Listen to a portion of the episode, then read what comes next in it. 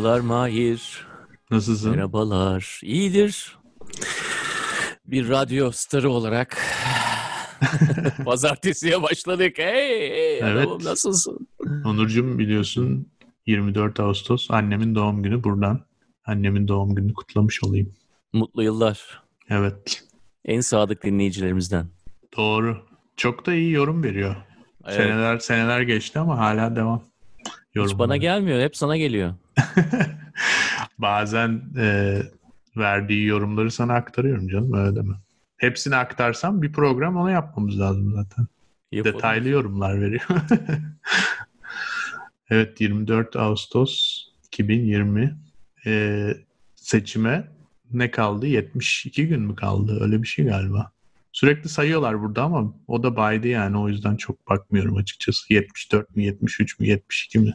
Ha böyle Çok- şey mi var? Geriye şeyler- sayım, e, saati mi var bir yerde? Abi şeyler çok heyecanlı. Demokratlar. Bu iş oldu modundalar biraz.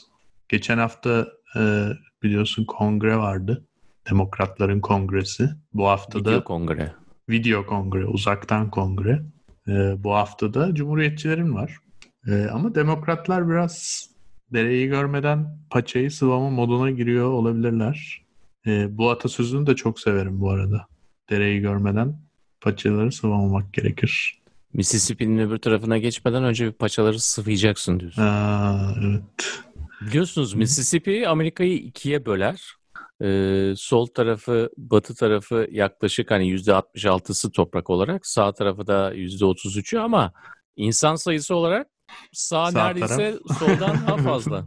evet. Da- daha fazla olabilir gerçekten. Neredeyse değil. Kesin daha fazla olması lazım. Yanılıyor muyum? Ne bileyim Kaliforniya son yıllarda şişti yani ondan diyorum ama Evet ne kadar ya. şişse bile zaten yetmiyor yani. Bir tek orada Kaliforniya var ama. Gerçi Texas da solda değil mi? Texas var, Kaliforniya var. Illinois onun bir kısmı mı solda? Hayır, Illinois sağda. Ha, o zaman o zaman zor ya. Sağ taraf alır diyorum. Tam bakmadım rakamlara da. Tabii yani sağ tarafın sembolize ettiği şeydi eski Amerika ilk oraya e, yerleşildiği için Mississippi'nin sol tarafına 1800'lerin ortasına kadar doğru düz gidilmemiş. Sonra altına hücum falan derken e, sola doğru kaymaya başlıyorlar. E, durum böyle. Bizim e, iki tane aday da sağ taraftan geliyor. Bir tanesi Pennsylvania, Delaware civarlarından. Bir- Diğeri de zaten biliyorsun yani. yani Queens'li de Trump artık. geliyor. evet. Şeyde e, Trump Village var biliyorsun. Brooklyn'de. Nerede var bilmiyorum. Trump köyü. İşte bu e, Donald'ın babasının yaptığı ilk toplu konut projesi aslında. Duruyor hala. Evet. e, aşağıda Brighton Beach'e doğru. Ve E, adı Trump Village mi gerçekten? Trump Village evet. Hatta etrafındaki şeyler, e, dükkanlar falan. Mesela berber dükkanı var. Trump Village Barber falan. O zaman Ee, babası da burayı yaptığı zaman yine kendi adını mı veriyormuş? Ya bunlar e, zaten Sonradan mı markalanmış? Onurcuğum e, bir sürü biliyorsun şimdi kitaplar falan da çıktı hakkında. İşte yeğeni kitap yazdı değil mi Mary Trump? E, Bolton yazdı. Efendime söyleyeyim avukatı onun kendi sözde işte kendi hakkında yazdı ama muhtemelen Trump hakkında olacağı belli olan bir kitap var falan. Bir de bir sürü güzel belgeseller falan da var Trump hakkında. Şimdi buradaki en kritik noktalardan biri yani Donald'la ilgili olarak herif e, aslında babasının hayatını yaşamaya çalışıyor. Yani burada inanılmaz yani çok net bir tablo var aslında. O da şu. Babası gerçekten sıfırdan gelmiş bir herif. Yani onun babası da gerçi o da KKK falan e, bir takım para vardır herhalde ama yani inşaat işinde gerçekten e, daha önce onun öncesinde kimse yok. Ama Trump öyle bir adam değil. Trump aslında direkt babasının serveti üstüne konmuş bir herif. Fakat nedense sürekli böyle sıfırdan geldim işte babamdan sadece 1 milyon dolar aldım falan filan gibi şeyler söylüyor da öyle bir durum yok yani adam gerçekten bir sürü proje yapmış baba Trump Ee, bu oğlan Trump Donald ee, onu devam ettiriyor aslında ama aralarında şöyle bir fark var ki bence yani Donald'ın e, kişiliğiyle çok önemli alakadar olan bir detay. Baba Trump iyi bir iş adamı, iyi bir inşaatçı, iyi bir müteahhit. Çünkü adam ne yapıyor? Kendi ebatını biliyor, çapını biliyor. Giremeyeceği, yapamayacağı işlere hiç yanaşmıyor. Ee, o yüzden Brooklyn'de iş yapıyor, Queens'de iş yapıyor. Yani New York şehrini bilenler bilirler. Hani beş tane burada farklı bölge var. Yani Brooklyn şu anda çok daha eskisine göre iyi bir durumda ama Manhattan başka bir klasmandır yani. A klas, inşaat alanında, iş alanında, e, konut alanında, her alanda, e, emlak konusunda özellikle başka bir klasmanda. Baba Trump asla Manhattan'da bir iş işine girmiyor. Çünkü onu aşan bir klasman orası. Aileler farklı, fiyatlar farklı, lobiler, mafyası, e, işte sendikası vesairesi. Ama oğlan Donald diyor ki ben diyor Manhattan insanıyım. Boğulursam okyanusta boğulurum. Ne olursa olsun ben diyor Manhattan'da başlayacağım ve gerçekten de bütün yaptığı aslında en önemli işler hepsi Manhattan'da. Hiç Brooklyn'e Queens'e bakmıyor. Burun kıvırıyor yani. E, o açıdan enteresan. Yani o yaşlardan 20'li yaşlardan itibaren çok net bir şekilde e, bir meşhur olma, bir ego ve bir e, liderlik tablosunda bir numaraya ben tırmanacağım tutkusu, hırsı olan bir herif yani. Ama biraz önce şey dedin, babasının hayatını yaşamaya çalışıyor dedin. Evet, onu da şu açıdan diyorum. Ee, babasının yaptığı şeyler üstüne yapıyor. Yani öyle sıfırdan Manhattan'a gidip elinde hiçbir para, hiçbir bağlantı. Babası çünkü politikacıları falan da tanıyor. Bayağı tabii o zamanlar 70'ler 80'lerde New York'ta yolsuzluk, usulsüzlük her şey var. Ee, belediye başkanlarından ekstra paralar alıyor, geri dönüşümsüz borçlar alıyor vesaire. Bunların hepsini babasının yardımıyla yapıyor ama gazetecilere sorarsan yani gazetecilere özellikle konuşurken gazetecilerle hep diyor yani ben sıfırdan geldim. Her şeyi ellerimle yaptım. Kimseden hiçbir şey almadım falan. O kısım yalan. Yani biraz babasının yaptığı şeyleri yapmış gibi göstermeye çalışıyor ve son bir enteresan bir şey söyleyeyim. Ee, 70'lerde New York gece hayatına dair e, bir tane dedikodu. İşte bizde nedir? Gece kuşu mesela. Neydi ya o adamın ismi? Gözlüklü bir adam vardı ya bütün dedikoduları yazıyordu. Kenan ee, Erçetin göz mü? Ha, bravo.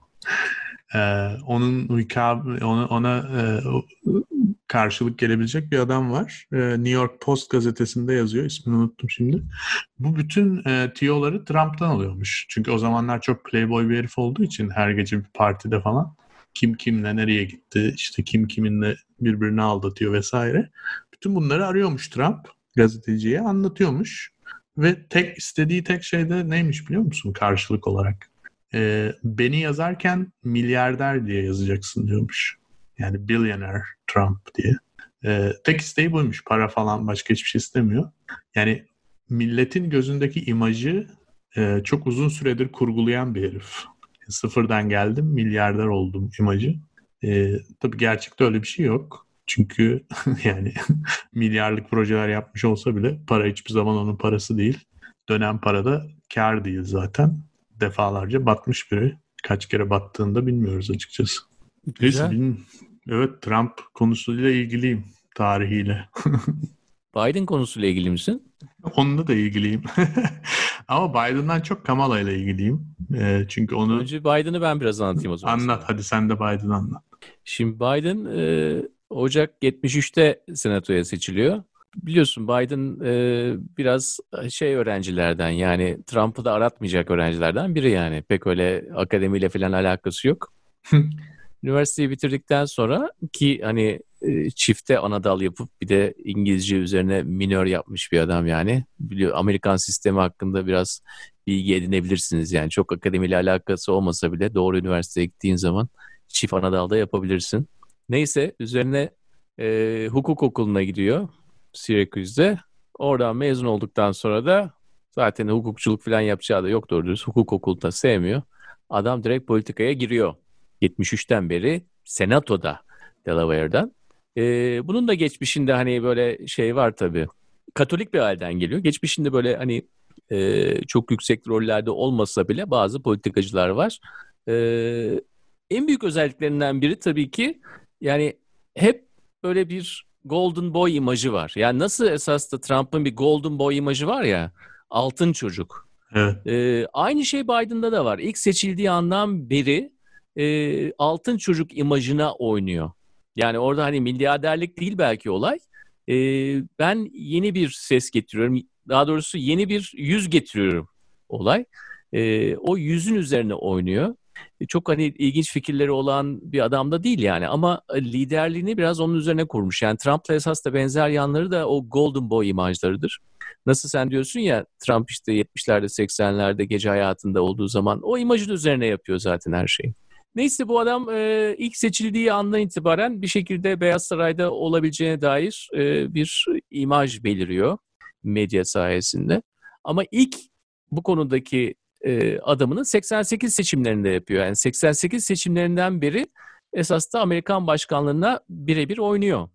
88'den sonra 2008'de tabii biliyorsun e, Obama seçildiği e, zamanda aday olmuştu. Ama 88 ile 2008 arası 20 yıl boyunca da hep böyle başkanlık için ilk başlarda bir şey yapar, bir hareketlenirdi.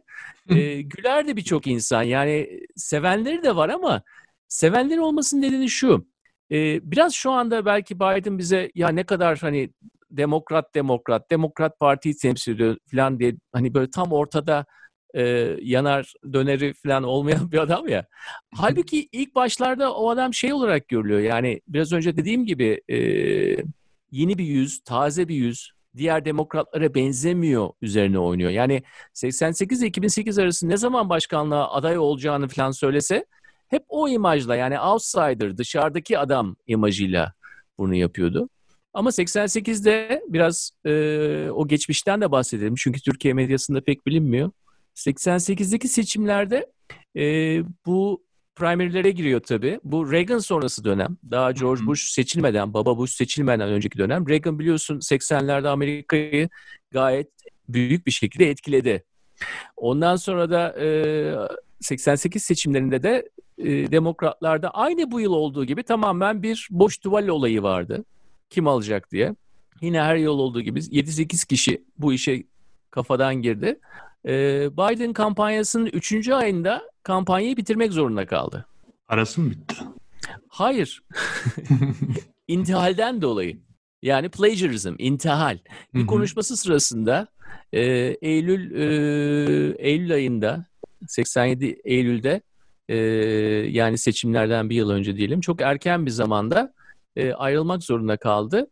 Çünkü e, Iowa'da e, bir tane State Fair var. Yani esas da Iowa'nın bütün hayvanlarının geldiği bir yer. En büyük domuz seçiliyor. E, efendime söyleyeyim bütün herkes geliyor oraya yani Iowa'daki en büyük Tam Iowa'ya uygun bir festival. Aynen. Her yıl yazın başında pardon yazın sonunda oluyor bu. Orada da tabii seçim yıllarında böyle primerler yapılıyor. Yani seçmeler yapılıyor, münazaralar gerçekleşiyor. Geçen yıl da olmuştu bu arada bu. Aynısı Iowa'da oldu. Yine gittiler orada küçük küçük münazaralar yaptılar. Bunların bir tanesinde intihal yapıyor. Yani başka bir İngiliz konuşmacının konuşmalarının aynılarını söylüyor. Bu o zamanki teknolojiyle birisi bunu camcorder'a çekiyor artık yani videoya çekiyor. Ondan sonra bu yayılıyor. E, diğer adamın konuşması da videoda olduğu için bunun birebir intihal olduğu anlaşılıyor. Ve o zamanlarda da bu tür şeyler önemli. Ve e, kampanyasını orada bitiriyor. Şimdi o zamanlar önemli derken şimdi önemsizleşti gibi. Şimdi tabii önemsizleşti tabii ki. Yani şu anda böyle bir şey e, mevzu bahis bile olmaz zaten. Bu kadar küçük bir şey için kampanya bitirilmez diyorsun. Şaka gibi yani olur mu falan ha böyle hemen böyle anında unutursun zaten öyle bir şey yaptığını. Ki herkes unutur. Bir sonraki şeye geçilir.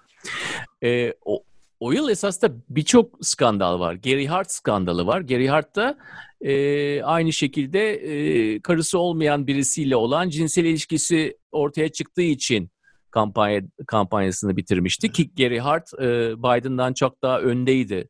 Hatta o yıl e, demokratlardan aday olan e, Dukasis'ten de öndeydi ama yine bu yıl hani şimdi kaç kaç yıl oldu? 30 yıl sonra bu da biraz saçma yani, geliyor. Yani bir tek bundan dolayı olması da şey yani biraz değişiyor bir zaman. Evet. 8 seçim sonra yani. E, yani bir hayat, bir hayat. bir nesil bu şekilde yetişti. öyle bir şey var ya. Aynen öyle. İki yani esasında ilginç 30... bir seçim. İki, Evet, ilginç bir seçimdir. Şunu da söyleyeyim. Yeri gelmişken. E, Dukasis aday oluyor. Michael Dukasis. Bu da Massachusetts'ten e, eski vali. E, ve yazı çok iyi geçiriyor tamam mı? Yani şu anda mesela biz Ağustos 24'teyiz dedin ya. O yılki seçimlerde 88 Ağustos 24'te e, Bush'tan adam en azından 7-8 puan önde. Ondan sonra negatif kampanyalar çok fazla kullanılıyor Dukasis'e karşı ve e, Ekim'de de artık hani politika tarihine geçmiş bir e, münazara anı var. Yani Bush'la Dukasis arasındaki münazara sırasında bir soru soruluyor Dukasis'e. Onun onun verdiği cevap üzerine e, bir anda e, işte 48 iken rakamları 41'e düşüyor. Bir tek münazaradaki bir cevap yüzünden 7 puan kaybediyor. Ondan sonra zaten toparlayamıyor. Yalnızca 11 eyalet alıyor ve gerisinde e, 30 küsür eyaleti de Bush alıyor ve kazanıyor o seçimleri. Biraz sonra o hikayeyi de anlatırım çünkü güzel bir hikaye. e, biraz e, zamanın nasıl değiştiğini oradan da anlayabileceğiz gibi geliyor bana. Evet, evet. iki tane adayımız bu. Biden ve Trump. Evet. Geçen gün e, NPR'da NPR Politics politika podcast'i var biliyorsundur mutlaka tahmin ediyorum. Orada diyorlar ki ne olacağını bilmiyoruz ama bildiğimiz tek şey var. Amerika'nın bir sonraki başkanı 70'lerinde beyaz bir adam olacak. yani aslında ilginç olan belki de bu seçime dair acayip derecede böyle bir e, Amerika daha renklidir, kadınlara önem verir, göçmenler önemlidir vesaire gibi bir sürü Amerika'yı kaynatan muhabbet olmasına rağmen döndük dolaştık. En sonunda yine iki tane yaşlı beyaz adama işi bağladık 2020 senesinde. Kim kazanırsa kazansın yaşlı beyaz bir beyaz saçlı ya da sarı saçlı bir adam Amerika başkanı olacak 2020 ve 2024 arasında. Evet bence ona çok takılmamak lazım. Sen zaten ben kimlik politikaları konusunu evet. Sevmiyorum. Bir de ageizmi de sevmiyorum yaş üzerine yapılan ayrımcılığı da sevmiyorum. Ee, evet güldüğümüz bir konu belki ama bence ciddi bir şekilde düşünülmesi gereken bir konu. Ee, geçmişte de birçok güldüğümüz konu şu an ciddi oluyor. Onun için o anlamda e, o fark etmez diyorsun çek... yani. Aynen fark etmez diyorum. Beyazlıkları da fark etmez benim için. Ee, yani ne kadar ne iş yaptıklarına bakmak lazım tabii. Ee, geçen hafta dört gün boyunca Pazartesi, evet. salı, çarşamba, perşembe demokratların kongresi vardı. Ee, yani aslında birazcık formalite bir iş tabii. Çünkü e, özellikle bu sene çok garip bir primary dediğimiz işte ön seçim süreci oldu ve e, Biden'ın zaten kazandığı belli ama usul yerini bulsun diye e, bir seremoni yapılıyor. Herkes işte diyor ki biz temsilciler şu kadar kişi Biden'ı seçtik, bu kadar kişi Sanders'a oy verdik vesaire vesaire.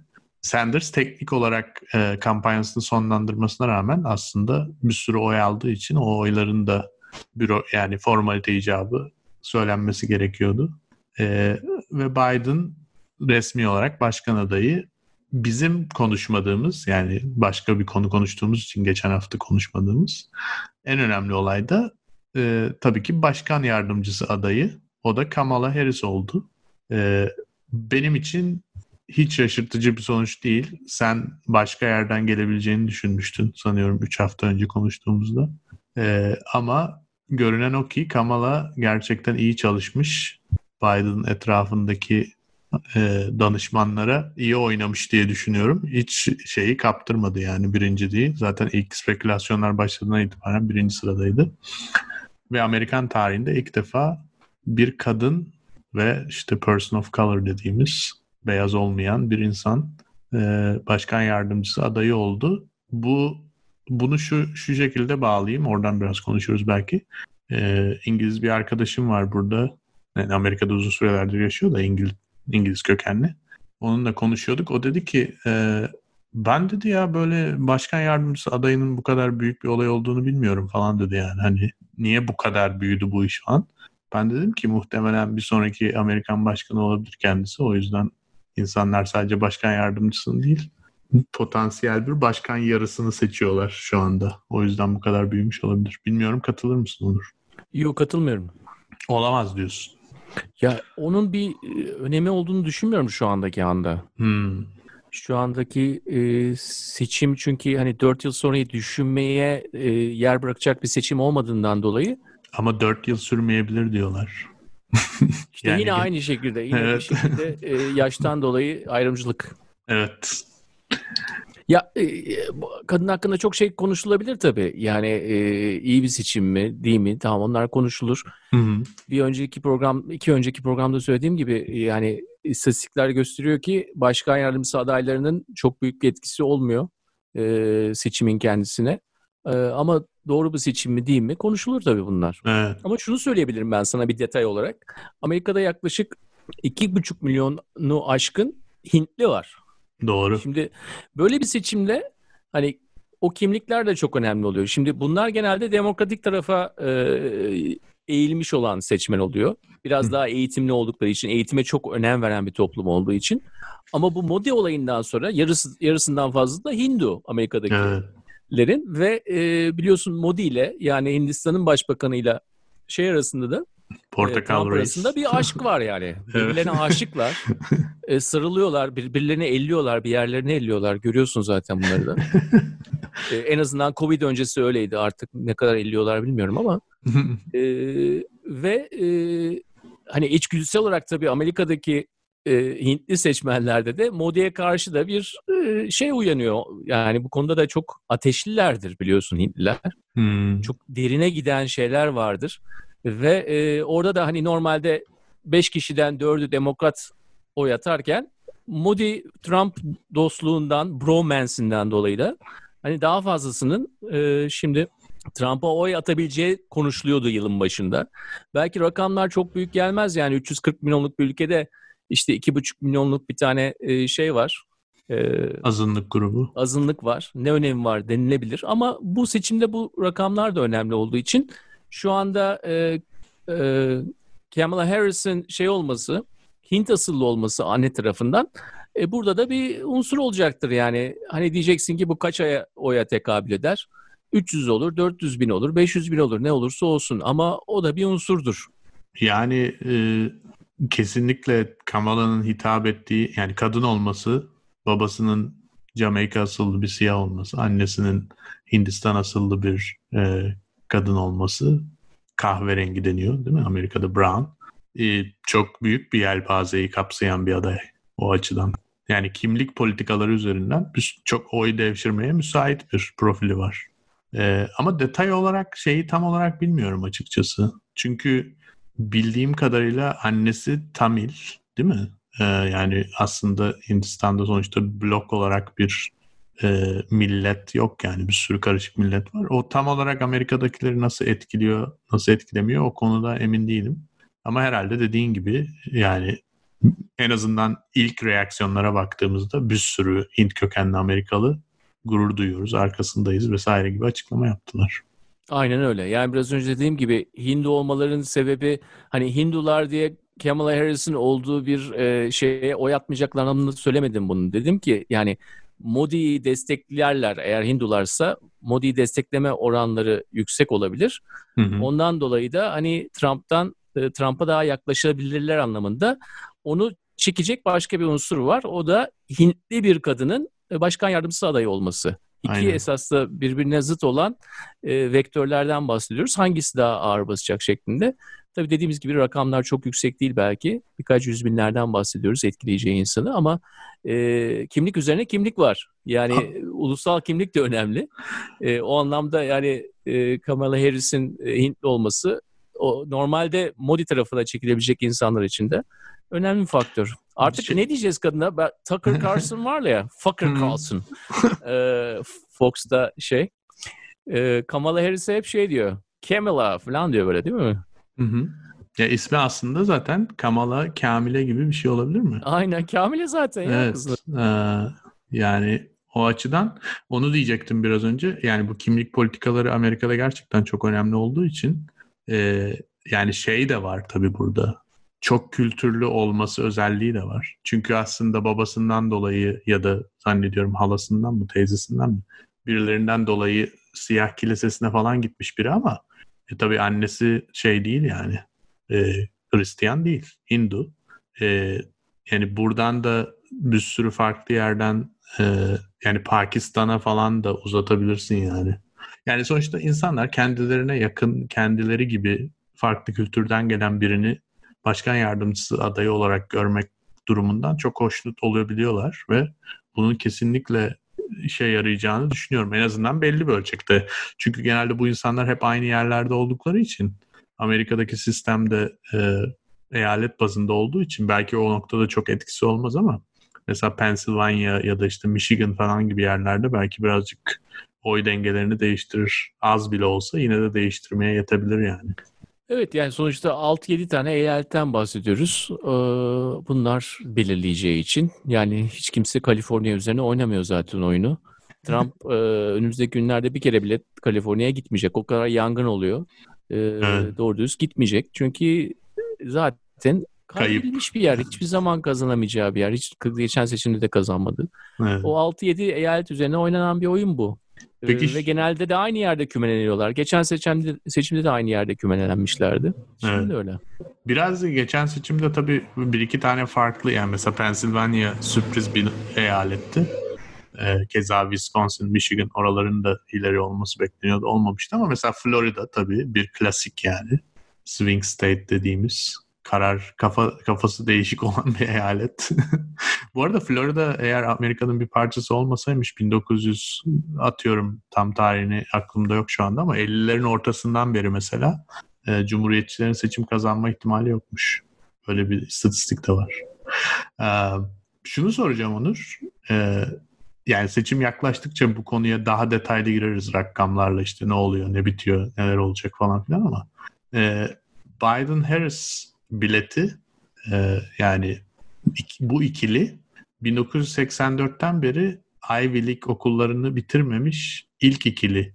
E, Müthiş. Bunun da bir eksen değişikliği olduğunu konuş, konuştular bu hafta Amerika'da. Yani özellikle bu hafta derken geçen hafta.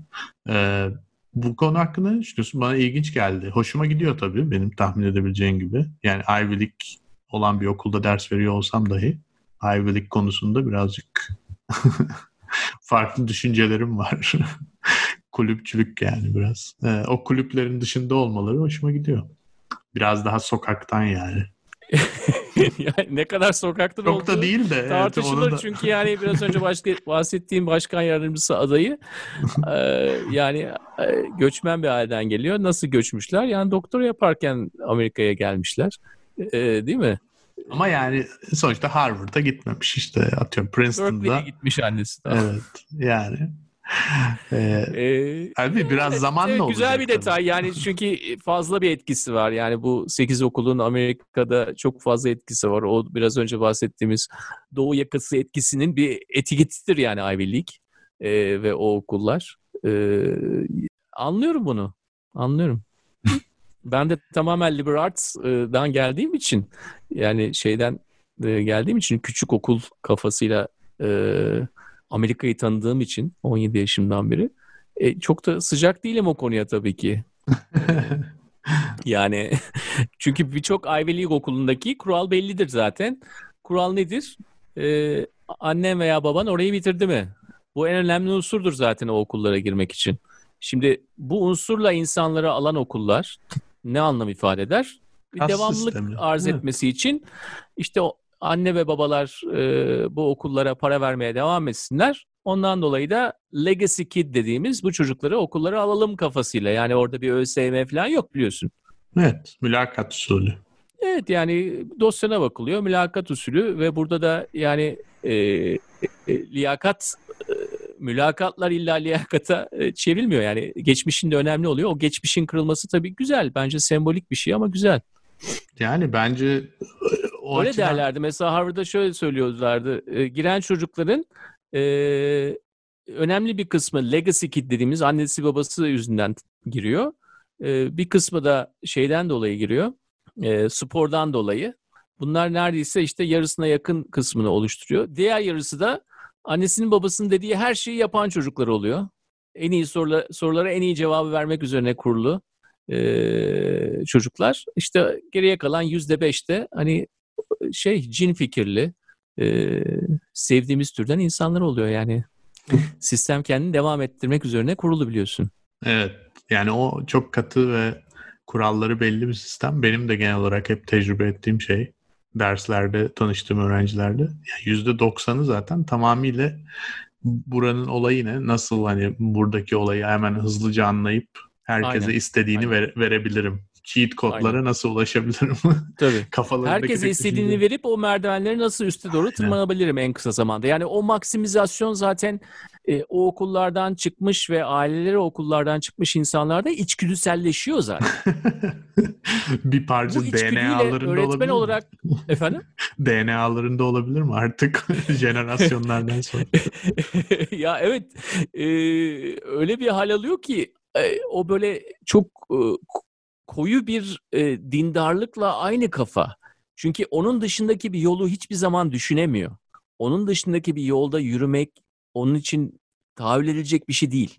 E, ve onun e, profesörler ve öğretmenler de e, üniversite zamanına gelmiş yani 18 yaşında aldığın e, o, o çocuklara diyelim, o gençlere e, onun tersi bir şey söyledikleri zaman ve genelde bu yelpazeyi biraz daha genişletmek üzerine olduğu zaman afallıyorlar. Yani bir dakika ya bu bu nasıl olabilir diyorlar. Çünkü o basamakları göremiyorlar. Yani e, şu şöyledir, bunu yaparsan bu olur. Hani Türkiye'de bizim Türkçemizde dir e, şeyi var ya. Bellidir yani kurallar. Dir, dur, dar, der. e, evet. O anlamda güzel bir detaymış. Çok güzel detay. Benim e, yani demokratlar e, biraz daha detaylı konuşuruz şimdi konuşmalardan vesaire de e, yani bu seneki konseptleri şu ya yani en azından stratejistlerin bu şekilde düşündüğünü tahmin ediyorum. Biden var. Evet eski bir figür. E, hani diyorlar ya baggage var yani biraz. Yani adam sonuçta çok uzun süredir politikada bir sürü şeyi doğru yanlış yaptığı için bir takım yükler var sırtında ama e, tek yani asıl şeyi en başından beri onu söylüyor zaten. Ben e, tek başıma değilim. E, etrafımdaki herkesi dinliyorum. E, geçiş dönemi başkanıyım. Bunu ısrarla söylüyor. E, ve yelpazeyi bir araya getirmek için buradayım. Yani hem partimizi bir araya getireceğim hem Amerika'yı bir araya getireceğim. Her sese kulak vereceğim vesaire vesaire. Bu tabii çok çeşitlilik, çok renklilik mesajının hem Kamala seçimi hem de ikisinin birden aslında birazcık da o klasik e, Ivy League okulları dışından geliyor olmaları resmi tamamlayan bir detay. O açıdan e, güzel bir detay olduğunu düşünüyorum. Evet ee, yani mesaj mesaj veriliyor. On message. Evet. Aynen. Çok iyi bir kitap vardır. Blair'ın seçildiği zamanki e, kampanya hakkında, 97 seçimleri hakkında. On message yani onda kalabilmek, bütün kampanya boyunca mesajdan sapmamak, her türlü soruyu bir şekilde o mesaja bağlayabilmek önemlidir ve şu ana kadar da Biden bunu yapıyor. Zaten e, şeyde de yaptı. E, seçmelerde de yaptı. Doğru. Hep yani mesajda kaldı. Güzel bir mesaj. Evet, e, kampanyasında e, Obama etkisi olduğunu düşünüyorum. Bunu zaten herhalde sadece ben düşünmüyorumdur. Herkes düşünüyor e, diye 8 yıl patron, patronuydu onun. Şey, evet. Unutmamıştır diyorsun. Hayır Obama e, bayağı aktif. Yani biliyorsun zaten e, geçen haftaki kongrede en önemli konuşmayı Obama yaptı. Bana sorarsan. Biden'ın konuşması... Karısı yapmadı mı ya? Karısı da yaptı ama Obama'nın konuşması gerçekten çok tarihi bir konuşma bence. Ee, yani Obama'nın karısı biliyorsun podcast'a başladı bu arada. Evet. o da bizde adaptasyondan duymuş, heves etmiş. Ee, ama Obamalar gerçekten çok aktifler seçimde. Yani demokrat e, ön seçimleri bittikten itibaren direkt e, şey kafa göz girdiler diye düşünüyorum ve neredeyse her hafta olmasa iki haftada bir kesinlikle haberlerdeler ve bir mesajla haberlerdeler. Ve mesajlar çok sert ve etkili genel olarak ikisinden de yani bir sağdan bir soldan geliyor. Ee, Obama'nın konuşması yani muhteşem bir show bana sorarsan. İşte gidip Anayasa Müzesi'nde yaptı yani Philadelphia'da. Ee, yani bütün mesaj aslında anayasa tehdit altında, Amerikan demokrasisi saldırı altında. Ee, bana şu açıdan enteresan geliyor. Obama çok genç biri. Yani yaşı yaşçılık yaptığımdan demiyorum da aktif siyasete etkisi çok uzun süreler devam edebilecek bir formda. Ee, ve çok açıktan ilk defa herhalde bu kadar açıktan bir emekli başkan görevde olan bir başkanı ve yarışa dahil olan bir başkan. Hani ikinci döneminin sonu olsa o zaman biraz daha farklı olabilir belki ama yani yarışacak bir başkanı bu kadar ağır bir şekilde eleştirdiğini ben hatırlamıyorum. Belki de çok eskilerde vardır ama modern dönemlerde zannetmiyorum olduğunu. Sen biliyor musun Onur? O, ya o tabii ilginç. oyunun kuralları değişti artık yani evet. karşı taraf sana e, çünkü bir süre şey gittiler hani e, birisi alçaktan vurursa sen de mi e, alçaktan vuracaksın demişti hı hı. E, Obamalar. E, birkaç sene öyle gittiler alçaktan e, vurduğu için bel altından vurdukları için Trumpçılar e, siz de onların seviyesine mi ineceksiniz e, söylemindelerdi ama yani seçime kaldı iki ay. Adam senin yaptığın her şeyi paçavra haline getirmiş. Bir de üzerine üstlük senin hakkında devamlı konuşuyor. E sen hala bel altına inmeyeceğim diye ben yüksek perdeden konuşursan e, o zaman da yani zayıf düşüyorsun işte günümüzde. E, yani oyunun kuralı değişti. Onlar da oyunun yeni kuralına göre oynuyorlar. Evet. Oynayabileceklere kadar oynuyorlar. Sofistike bir konuşma yaptı. Yani zaten e, kendisi mi yazıyor bilmiyorum ama yani Obama zaten bu konuda herhalde en, en önemli politikacılardan biri dünyada. Ee, çok sert bir konuşma ama çok e, güzel bir dille yazılmış bir konuşmaydı. Yani e, onun da tabii şeyi etki alanı kısıtlı olabilir. Yani Trump'ın zaten zekasından şüphemiz yok yani o. Ya o ama bas- ratinglere bakmak lazım yani. Kaç kişi evet. izledi? Yani sonuçta Bara mı? bakıyorsun tamam mı? yani video ile yapılan bir şey de şu an demokratların kongresindeki her şey video ile yapıldı. Tamam değişik lokasyonlarda çekimler var ama bu hafta Cumhuriyetçilerin kongresinde Hı-hı. fiziksel bir lokasyon olacak. Onu da düşünmek lazım. Yani insanlar olacak. Tamam Trump gelmeyecek belki onların arasına. Trump nereden yapacak? Beyaz Saray'dan yapacak konuşmasını. Evet o da tartışmalı bir durum ama. Evet öyle Etik olacak olarak gibi yanlış görünüyor. olduğu söyleniyor. yani ilk kez bir e, başkan adayı adaylığı kabul edilişini saraydan e, saraydan yapacak.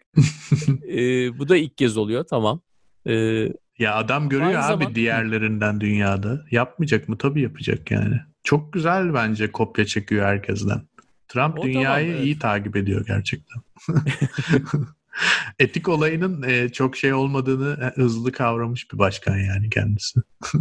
O kadar Olmayan da önemli şey değil. Yani yapmanın gereği yok yani evet. fazla etiğe sürüklenmenin, principle'lar üzerine kurmanın e, artık anlamı yok. Biraz sonra zaten başta söylediğim hikayeyi anlattığım zaman onun üzerine tekrar eğilme imkanı bulacağım ama e, şunu da söyleyeyim yani show dedin o kelimeden gittim ben. Esasında bu hafta biz show'u göreceğiz. Geçen evet. haftaki show değildi. bu hafta şovu göreceğiz. Çünkü Trump bu hafta boyunca her an o ekranda olacak. Biliyorsun bu haftaki kongre için e, aldığı e, e, tavsiyeler Apprentice şovunu yaptığı zaman yani çırak programını yaptığı zamanki yapımcılardan alıyor. Hı hı. Yani müşavirliğini onlar yapıyor şu anda. Yani şov ortaya koymak için. Demokratların ki geçen hafta bence biraz kuruydu. Ve genelde şeyden dolayıydı yani hani koronadan dolayıydı. Tamam mı? Kuruluğu şu anlamda tamam değişik lokasyonlar var. Konuşmalar çok iyi. Bazıları çok iyi. İnsanlar gerçekten hani gözünün önündeler ve hani konuşurlarken belli bir mesajın etrafına toplanmışlar gibi geliyor sana. Hı hı. Herkes ayrı telden çalmıyor. Ama bir show muydu? Hayır bence bir show değildi. Bu hafta onu göreceğiz. Yani korona zamanında hala Trump ve e, etrafındaki insanlar bir show ortaya koyabilecekler mi bu kadar zor bir durumda? Şunu merak ediyorum. Demokrat haftasında kimi beğendin konuşmalardan? Yani böyle... Ben Michelle Obama'yı beğendim. Evet. En iyisi o muydu sence? Ben beğendim. Hı hı. Yani mesela Biden e, Biden bir konuşmacı değil, iyi bir konuşmacı değil. Hiçbir zaman ikna etme e, yani yeteneği olan bir insan değil. Michelle Obama'ya baktığın zaman Biden'dan çok daha iyi bir konuşmacı evet, tabii. Ama kesinlikle. E, amatör olması da daha hoşuma gidiyor tabii. Çünkü eller, kollar orada. Hani e, ve okurken tamam bunları yine teleprompterdan okuyor ama hani teleprompterdan okurken hala bu kadar e, duyguları gösterebilmek güzel. E, o beni hoşuma gitti. Evet kesinlikle yani e, ama ikisi de karı koca aynı şekildeler yani. Evde çalışıyor olabilirler karşılıklı. Bence Bernie Sanders'ın konuşması da bayağı iyiydi bu arada. Bilmiyorum görme şansın oldu mu ama. Yani tabii ki klasik bir Bernie Sanders ama e, yani e, hep bir muhabbet var ya adama karşı. İşte evet seks... yani ne çok çok yani süper değildi ona yani bakar. Bir show değildi yani ben show istiyorum. Evet, sen show bu hafta onu alabileceksem eğer bu hafta ben show istiyorum çünkü show olan bir şeyle olmayan bir şey arasındaki farkı biliyorum yani. Bu haftaki show değildi. Geçen haftaki show değildi. Bu hafta show olacak mı? Bak olması için birçok sebep var. Kid Rock geliyor. Ee, St. Louis'te o e, şeylere, protestoculara e, otomatik tüfek çeken çift geliyor. Ya bunlar konuşmacı olacak. evet. Bayağı. Hangisi sence günümüze en uyan? Yani geçen haftaki e, konuşmalar mı? İçeriği olan ve hani akıllı insanların konuşmaları mı yoksa bu hafta göreceklerimiz mi? Bence Yani bu hafta göreceklerimiz daha fazla şov olacak. Yani tabii ki e, şov diyorsak eğer gerçekten hani bunu tırnak içinde söylüyorum. e, herhalde Donald Trump'ın karşısında kimse yarışamaz yani.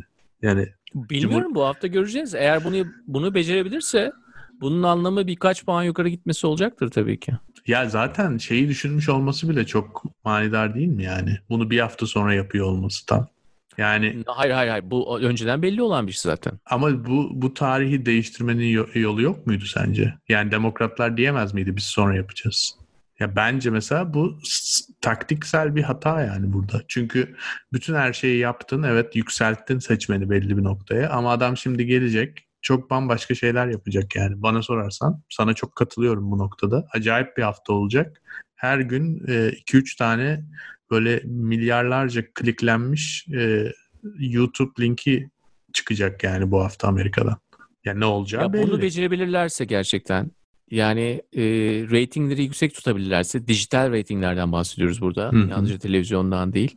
E, ve bunu yaparak işte hokkabaz kılıklı, palyaço kılıklı insanlarla bunu yapabiliyorlarsa e, o zaman işlerini yapmış olacaklar. Yani onun için bu yapımcılar önemli. Yani bu yapımcılar e, bütün hafta bunu amaçlayacaklar. Bunu yapmak için varlar. Eğer bunu becerirlerse, daha fazla reyting alırlarsa e, o zaman e, yarış biraz daha farklılaşacaktır. Yani muhtemelen becereceklerini düşünüyorum. Çünkü ya burada bir de teknik olarak şöyle bir farklılık da var Onur. Bunu da kabul etmek gerekiyor. Mesela Trump e, ne zaman böyle skandal bir konuşma yapsa ki bunu bence çok iyi ayarlıyor yani zamanlamalarını da e, herkesten izlenme alıyor. Yani adam konuya o kadar hakim ki yani bizim Türkiye'de de böyle oluyordu mesela 10-12 sene önce şu anda biraz farklı neyse ki.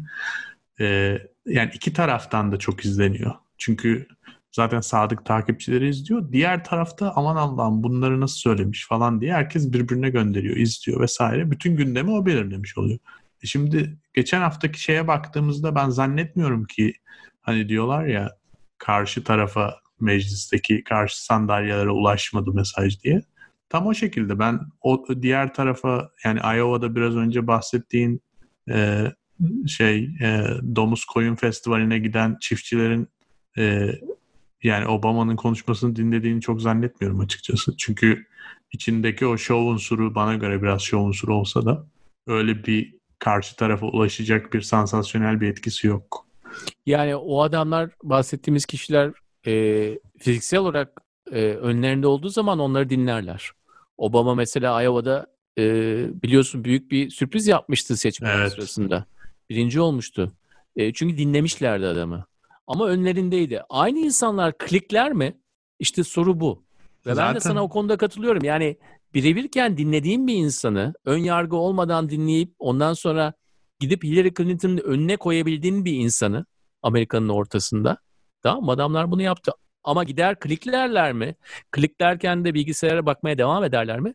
O konuda şüpheciyim ben de. Çünkü ikisi çok farklı dünyalar. Yani e, senin dijitalde tükettiğinle birebir tükettiğin veya televizyonda tükettiğin arasında hangi dakikalarda bunları tüketiyorsun? Tüketirken hangi başka şeyleri yapıyorsun, yapmıyorsun bunlar önemli. Ve Ya. o anlamda günümüz ve e, şey yani geçen hafta demokratların yaptığı bence çok şey değildi yani tekrar tekrar kliklenecek hiçbir şey olmadı geçen hafta. Doğru. Ya bir de şöyle bir şey var zaten. Kliklenme meselesi artık tamamıyla mediated olduğu için yani ara bulucular aracılığıyla sağlandığı için senin önüne gelmesi bile çok zor zaten. Tabii. Ben o açıdan e, Trump'ın kampanyasını yani çok net gözle görülür bir şekilde takip edebiliyorum. Çünkü e, yani reklam yani benim çoğu kullandığım platformda reklamlar zaten kapalı. Yani bloklanmış halde. Reklam görmüyorum o yüzden. Ama mesela bazen e, YouTube açıyorum. Account olmadan reklamlar açıkken. ilk gördüğüm reklam Trump'ın reklamı. Yani adam orayı satın almış yani.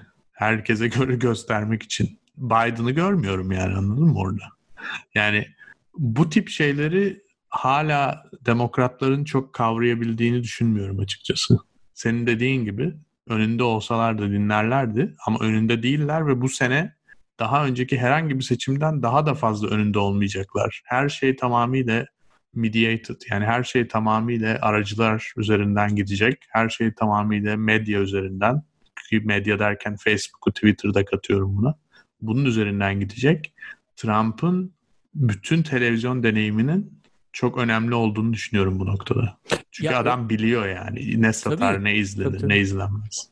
Şimdi Fox TV'de, şey, Fox TV diyorum, Fox News'da bir tane program var. Fox and Friends diye. Hı hı. Şimdi oradaki mikrokozmos şöyle gerçekleşiyor. Trump onu izliyor. Oradan aldığın haberlerle ne yapıyor? Fox TV'ye çıkıyor değil mi? Esas orada bir mikrokozmos oluşturuyorlar. Yani aldığı yalan yanlış haberlerle zaten tekrar o yalan yanlış haberleri onlara postalıyor. Ve Fox and Friends'i yapan insanlar da Trump tarafından izleneceklerini bildikleri için zaten o formatı yaratmışlar. Yani adamın bilgilerini oradan al, alacağını bildikleri için e, ona göre de yayın yapıyorlar. Olayın paralelliğini görüyor musun? Yani sen tek bir adama yayın yapıyorsun. Tamam mı? Ona yapıyorsun. Yani bütün kamuya bir yayın yapmıyorsun. Bir adama yayın yapıyorsun. Adam da zaten televizyon aşırı bir adam. Açıyor. Oradan alıyor haberlerini. Ondan sonra orada aldığı haberlerle gerçeklik yaratıyor. Yani Fox'ın esaslı mucizesinin de anlamı odur. Yani adamlar gerçeği nasıl yaratabildiklerini anlamış. Yani Murdoch o anlamda bir genius zaten. Kesinlikle. Yani, adam... yani mesela ne yapıyor? Türkiye'de Fox TV diye bir şey var. Bambaşka bir şey. Orada Fox News var. Bambaşka bir şey. Nasıl yapıyor? Ürünü çeşitlendiriyor. Oraya göre ne eksikse, ne o an giderse onu yapıyor adam. Yani, yani burada hı. böyle mikrokozmoslar içerisinde gerçeklik yeniden yaratılırken e, şov unsurunun önemli olmaması mümkün değil. E, ben de sana katılıyorum. Yani demokratlar o konuda hala yüksek perdeden giriyorlar olaya. E, bir yandan da şöyle de düşünmek lazım Onur. Tabii adamlar bir kişiye yapıyorlar programı ama o bir kişi de yani 85 e, milyon takipçisi var yani Twitter'da herifin. Sonuçta e, on, aslında dediğimiz gibi yani kanallar iç içe geçmiş değil mi? Yani ad, onlar adamı kullanarak yeni bir kanal oluşturuyorlar. Yani evet. çok 2020 evet. bir taktik aslında. Evet. Yani bir e, televizyon, televizyon nasıl kanalı... ayakta kalacak? Yani evet. sen orada e, 100 milyon takipçisi olan bir yerde Twitter kanalı bulmuşsun. Bunu kullanmayacak mısın? Yoksa televizyon demode kalır yani. Evet. Yani Joe Biden'ın 8.8 milyon takipçisi varmış. Düşünürsen onda biri. Evet. Yani bunu e, tabii yani diğerleri destek verecektir yani Obamalar özellikle ama. Ya bilgi gen gibi bir şey yani iyi gen kötü gen ne olursa olsun kendini tekrarlamak ister yani tekrarlarken de e, büyümek ister. Yani bu kadar basit daha fazla insana yayılmak ister. Evet o açıdan bu hafta gerçekten enteresan olacak. Kimi kim kim konuşması konusunda heyecanlısın? Mesela Melania konuşacak tabii ki. Ee, şeyden bahsediyorlar. Ee, Junior en yaşlı oğlu değil mi? Donald Trump Jr. Ee, acaba hani ileride o aday olur mu falan filan gibi babası onu yetiştiriyor mu falan gibi şeyler var, rivayetler var da ben hiç inanmıyorum yani ben e, çocukları hakkında bu kadar ilgisiz bir insan nadir görülür diye düşünüyorum. Herifin hiç umurunda bile değil yani kimse. E, ama onun bir konuşması olacak zannediyorum. Onu bekleyenler var. E, ama herhalde muhtemelen yine Trump bir iki şeyi e, bombayı bırakacaktır diye düşünüyorum. Perşembe akşamı zaten en son konuşacak. E, sürprizler yapması gerektiğinin farkında. O yüzden bir şeyler yapacaktır. Müjdeyi perşembe verebilir yani o da. o şeyi bekliyorum ben. Hiçbir şey beklemiyorum tabii ki yani de. Olan şey arasında o iki tane silah sallayan çift var ya. Hı hı. E, hani birçok şey sizi şaşırtmaya devam ediyor ama hala e, bir anda şaşırabiliyorsunuz ya. Yani. O ikisinin mesela konuşmacı olması beni şaşırttı. Ya bunlar e, evlerinin önündeki çimde ellerinde silahlarla e, burası bizim özel arazimiz diye insanlara silah sallayan iki tane tip e, dünyanın en büyük, en güçlü ülkesinde işte bir partinin konuşmacısı olacak. Yani 10 konuşmacısından ikisi olacak. Bu çok çok inanılmaz bir şey gibi geliyor bana. Ne konuşacaklar yani acaba? İşte, Herhalde. Evet, evet ne konuşacaklar? ne konuşabilirler? Ya onu merak ediyor insan. Beni merak ettiriyorsa bence birçok insan da merak ettiriyordur. Evet. Bir de yani e, bana yani şöyle hızlıca bakıyorum programa. Daha fazla insan var gibi geliyor demokratlardan. Acaba yanılıyor muyum emin değilim ama bir sürü insan var yani. Herkes Abi bütün Trump'lar çok fazla konuşuyor. tutamazsın o insanları yani. Şov olacaksa devamlı bir geçişkenlik olması lazım. Bir sonraki öbürü bir böyle e, hisseli harikalar kumpanyası ha, gibi yani. Çok güzel. Aynen aynen öyle. Çok güzel. Hayır bir de yani Trump yani o Orada kadar iyi de yani hisseli harikalar kumpanyası. Hmm, Onun için güzel. hani Egemen Bey'in yaptığı bir şey. Neyse e, ama iyi bir örnek ya. Aynen öyle. Bir kumpanya gibi. Ama şey çok ilginç yani. Mesela ne bileyim yani böyle e, Trump soyadlı çok insan var ya. Yani oğlu var. Melania Trump yani o da normal hani değil mi? Eric var diğer oğlu o konuşuyor. Tiffany var o konuşacak. Efendime söyleyeyim Ivanka var o konuşacak. Ne, ne oluyor yani Lara Trump var o konuşuyor. Ee, Eric'in karısı. Yani böyle şeyin e, konuşmacıların yarısı aile şirketi gibi yani. Hala devam aynı şekilde. Evet amaç yani o duygular yani birisine en e, şiddetli duygular hissettiği insanlar senin yakın akrabaların olur. Hı hı. Orada da e, o duyguların ortaya çıkabileceği bir atmosfer oluşturuyorsan zaten ne dediğin önemli değil. E, ona oynuyor. Yani bir aile şirketindeki üyelerin oraya gitmesinin anlamı da zaten babalarına olan tırnak içindeki sevgileri. Sadakat. Bunu... Hı? Sadakat. Sadakat. Yani aslında belli e, kelimeler var, anahtar. Onları mesaj orada yani. Birlik, beraberlik, sadakat. Abi o insanın bir şey uyandırması lazım. Yani şimdi e, Joe Biden'ın insanlarda bir şey uyandırması kolay değil. Onun için mesajda kalıyor. Yani kişi olarak uyandırması kolay değil. Hı-hı. Hani sevilme, e, karizmatik olması ya bunlar yok adamda. Olmayan şeylerden dolayı biraz önceki o güçlü mesaj üzerine kuruluyor tamam mı? Ama e, onunla baş edecek çok önemli bir şey de var. O da bu duyguları ön plana çıkarmak. Tamam mı? Sadakat olur. E, neyse. Yani akraba ilişkileri olur. Bunu yapmak. Yani onun için biraz önceki örneği şimdi söyleyeyim sana. 88'deki evet. o münazarada Michael Dukakis'in karşısında George Bush var demiştim. Bunlar Los Angeles'ta bir münazaraya çıkıyorlar. Üç tane münazara var. Münazara kuralları var zaten. E, ilk soru, dakika bir gol bir. İlk soru Michael Dukakis'e Demokrat Parti adayına Ber, e, Bernard Shaw tarafından sorulmuş soru şu. Tamam mı? Nedir? Michael Dukakis'i birazcık anlatayım sana. Massachusetts'ten geliyor. Akademik zaten bu iş olmadıktan sonra da tamamen akademiye verdi kendini. Ee, ve şey bir adam. E, sol beyin bir insan. Tamam mı? Yani rasyonel bir insan. Ve e, şeye karşı. Ölüm cezasına karşı ve bu konuda da gayet söylüyor yani ben ölüm cezasına karşıyım diyor adam. Bernard Shaw da şu soruyu soruyor ve art niyetli bir gazeteci değil Bernard Shaw. Yalnızca e, yapmak istediği şey şuydu. Benim görevim, bak Türkiye'deki gazeteciler herhalde bunun artık ne kadar yapıyor konuşulur ama benim görevim politikacılara sorulabilecek en zor soruyu sormak.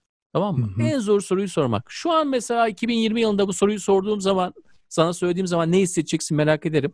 Bunu da alayım senden ama soru şuydu Mahir'cim. Münazaranın ilk dakikası Bernard Shaw diyor ki Michael Dukasis'e. Sayın Dukasis diyor. Eşiniz Kitty burada diyor. Kitty Dukasis. Kitty Dukasis tecavüze uğrayıp öldürülse yine ölüm cezasının ölüm cezasına karşı olduğunuzu söyler misiniz diyor. Tamam mı? Michael Dukasis'in cevabı ne? Michael Dukasis diyor ki e, biliyorsunuz ben zaten ölüm cezasına karşıyım. Bu konuda da zaten eyaletinde de e, en düşük e, şu suç oranları var ve aynı zamanda ölüm cezasında insanları e, öldürmeye karşı demotivasyon oluşturmadığını biliyoruz. Bu konuda da çalışmalar var diyor. Ve diyorlar ki hı hı. işte bu cevaptan sonra zaten bir buçuk saat boyunca münazara oluyor. Onlar önemli değil ama herkesin yüzü düşüyor. Çünkü o an Michael Dukakis'in seçimi kaybettiği düşünülüyor ve ertesi gün zaten şeyler geliyor. Ertesi hafta rakamlar geliyor. Bunu teyit ediyor.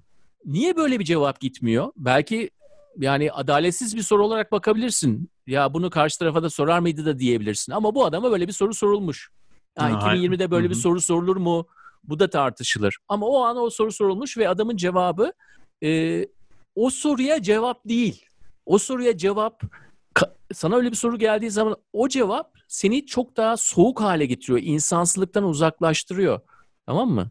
Yani gerçekten de böyle bir şey olursa ne yapacağını söylerken eğer sen otopilota bağlıyorsan soru sırasında sana sorulmuş şeyi bir şekilde içselleştirip ona göre bir reaksiyon göstermiyorsan esasında insansı olmak için bir fırsatını tepmiş de hale geliyorsun. Evet. Yani duygusuz bir şey haline getiriyorsun. Bir ha, tamam biz işte insan seçmiyoruz, lider seçiyoruz biz. Ee, dünyanın e, özgür dünyanın lideri seçilecek burada. Böyle bu özelliklere ihtiyacımız yok falan. Bunlar 2020'de hayatta satmaz. 88'de satmayan bir şey 2020'de hayatta satmaz. o zaman diyorsun ki debate'i bekleyelim. Zaten demokratların da en çok korktuğu şey o şu anda zannediyorum. Trump-Biden debate'i. Oradaki sorulara verilecek yanıtlar vesaire. Ha, ama Biden'ın şöyle bir avantajı var. Yani Biden da dünyanın en rasyonel insanı değil bu arada. Yani Doğru. ağzı gerçekten de e, ne çıkacağı belli olmayan bir insan. Bunu da bir handikap olarak görüyorlar. Ne diyeceği belli değil ama bu e, avantaj da olabilir. esas da bir avantaj haline gelebilir. Doğru. Yani ee, pot kırmaya çok meyilli bir insan olması normal şartlarda, bizim alıştığımız şartlarda negatif bir faktörken esas da potlara açık olmak, e, onu daha insan yapıyor. Burada evet insan yapıyor. Doğru, o konuda katılıyorum sana. Çok haklısın. Yani e, biraz önce dedin ya bu soru sorulur mu diye düşünüyorsun. Valla ben gayet uygun bir soru olduğunu düşünüyorum. Trump çok hoşlanır yani böyle bir soru gelse. E kendine gelse de hoşlanır. Karşı tarafa gelse de hoşlanır. Yani onun konuşmak isteyeceği konular bunlar. Bu tarz sorular. Çünkü yani burada zaten e, şeyi de dikkat edersen bu biz konuştuk zaten bunu biraz daha detaylı olarak. QAnon meselesi değil mi? E, QAnonculardan e, artık muhtemelen meclise girecek insanlar var. E, hani bir kişiden de fazla olma ihtimalleri yüksek. İşte Florida'da da Loomer isimli bir kadın en son e, aday olacağı kesinleşti. E, ve Trump bunları destekliyor. E, yani gerçekten dünyanın en karışık ve en anlamsız komplo teorilerinden biri olan QAnon meselesini açıktan destekliyor ve diyor ki işte beni seviyorlar ben de o yüzden onları seviyorum falan filan ne olduğunu tam anlamıyorum falan gibi ayaklar yapıyor ama tabii yalan yani orası. E, bunu niye yapıyor? Çünkü e, orada bir duygu var. Bir duygu seli var yani orada insanların böyle bilgi, e, gerçeklik, efendime söyleyeyim e, veriler falan filan bunlarla ilgisi olmayan çok e, kitleleşmiş, kemikleşmiş bir grup var. Ve o grup böyle duygusal bir şekilde hareket ediyorlar ve herif onu görüyor ve o yüzden onun üzerine hemen atlıyor. Çünkü o tip bir güç çok önemli bir güç yani o o tarz bir gücü e, tartışmaya getirebilecek işte bu haftaki kongreye ya da devamındaki münazaralara getirebilecek her insana her zaman kapısının açık olduğunu düşünüyorum. Çünkü birazcık ihtiyacı olan şey de o. Yani Covid rakamlarını konuşacak değil herhalde herif yani. Ekonomi durumunu da konuşacak değil. Bu tip sorular daha güzel olur onun için. Evet o... ya başta sevdiğin şey esas da yani sen dedin ya e, belli başlı o 8 üniversiteden gelen adaylar yok dedin mesela. Hı hı. Nixon zamanından beri bak Nixon da okullardan gelmiyordu. Karşısında mesela ilk önce JF Kennedy vardı o da Harvard'lı. E, o zamandan beri e, devamlı bu derin devletin, Amerika'daki derin devletin tamamen e, East Coast'taki, Doğu yakasındaki o üniversitelerden yetişmiş insanların e, kurumları ele geçirdiğine dair bir şey var yani. Şimdi bunlar bu kadar kristalleştiği zaman, bu hale geldiği zaman da belli bir duygular uyandırıyor. Yani bir elitlere olan savaşın esas da bir devamı bu. Onun için yani Türkiye'den gelen bir insan için bu çok şaşırtıcı değil. Yani elit çok dediğimiz insanlar da duygularını hiçbir zaman konuşturamazlarsa işte hep yüksek perdeden konuşurlarsa o zaman da penetre edebilecekleri insan sayısını azaltmış oluyorlar. Özellikle teknoloji geliştikçe, özellikle şu andaki haliyle daha da önemli hale geldi bu. Çünkü yani dokunabilmek şu an e, çok farklı. Yani 30 sene öncesinde dokunabilmek neydi? Gerçekten dokunabilmekti. işte derler ya Amerikan seçimleri e, çirkin bebekleri öperek kazanılır derlerdi hani. Bütün işte milletvekili adayları, senato adayları çirkin bebekleri öperek kazanıyorlar yani. You gotta kiss some ugly babies yani. Tamam mı? Evet. Ama Tabii bebek şimdi, bebek bebek nereden bulacaksın Covid. abi? Nereden öpeceksin? Ayıp yani çok fena. Hapse atarlar onu. Birkaç kişi daha söyleyelim bu hafta konuşma yapacak. Ee, hani böyle e, konuştuğumuz konuyu pekiştirmesi açısından. Ee, Carl and Marsha Müller e, e, ISIS, ISIS tarafından öldürülen, IŞİD tarafından öldürülen e, Amerikalı bir e, yardım gönüllünün e, annesi ve babası mesela. E, Franklin Graham evangelik e, bir herhalde pastor ya da işte ne, ne deniyor? Rahip, lider. E, bakıyorum e, Clarence Henderson Civil Rights Activist diye geçiyor.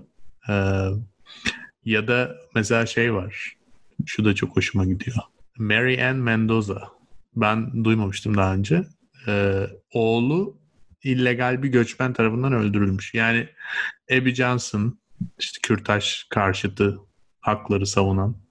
Yani bu bu bu şeyden zaten belli yani bu e, konuşmacıların listesinden nasıl bir hafta olacağı ve kesinlikle nasıl bir eksene oturtmaya çalıştığı işi çok belli. O yüzden senin dediğin gibi yani o soru e, nasıl ki seneler öncesindeki belli bir şeyi belirlediyse bu haftaki tartışmaların da birçok şeyi farklı noktaya götüreceği çok aşikar gibi görünüyor. Tabii tabii yani bu law and order üzerine olması, o sürüngen beynimize yani emniyet, güvenlik e, e, üzerine oturtulması çok doğru bir adım zaten Trump tarafından bunun yapılması.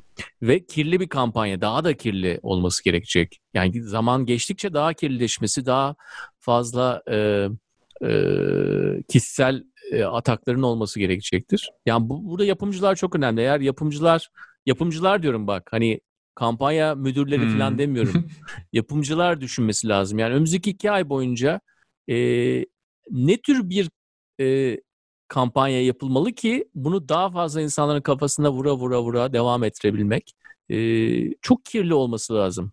Yani onun için güzel olacak. Yani iyi bir sezon olacak bu. Peki sence hı. bu işin altından kalkabilirler mi? Yani istedikleri etkiyi alabilecekler mi? Çünkü ters de tepebilir yani. Amerika'da biraz e, rüzgar tersten de esebilir yani.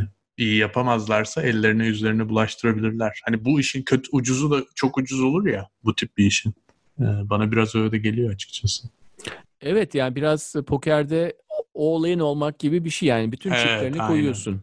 Ee, ama bu seçim e, bu seçimde bunu yapmak akıllıca değil mi sence? Yani e, orta alanda Başka- oynamaya çalışmak yani e, volümü 10'dan 11'e çıkartmaya çalışıyorsun. Tamam mı? E, ya kıracaksın o şeyi. Yani volüm düğmesini kıracaksın ya da gerçekten de onun üzerine çıkartabileceksin. Spinal Tap filminde olduğu gibi. E, bence doğru bir adım. ya, Yani ya kazanacaksın ya az farklı kazanacaksın. Tabii ki popüler popüler vote dediğimiz yani genelde e, Biden'dan daha az ay olacak Trump. tabii ki. O hemen hemen kesin. Ama eyaletler sisteminden dolayı ya kazanacak ya da fena kaybedecek. Ama bence iyi bir gamble yani iyi bir kumar bu. Ya kaybettikten sonra ne kadar fena kaybettiğinin çok bir önemi yok onun. Hiçbir önemi yok. Ya onu anlıyor en azından. Yani kaybetmişim zaten. Ne kadar kötü kaybettiğinin bir anlamı yok. Çünkü o da bir karakter olur. Yani e, 50 eyaletin diyelim 35'ini kaybetti adam. 15 eyalette kazandı. Fena kaybetti demek bu. Değil mi? Evet. Amerikalıların landslide dediği şey olacak. E ama bu da e, şey olur. Bu da e, ondan sonraki hayatını devam ettirecek ona Şanına kadar- yakışır bir çıkış Aynen olur. şanlı yakışır yani. Ben şöyle düşünüyorum Onur. e, programda belki bunu çok detaylı konuşmadık ama bu aylar öncesi Mayıs ayının sonu tam biliyorsun e, Memorial Day yani Amerika'da önemli bir tatil zamanı George Floyd'un ölümü gerçekleşmişti.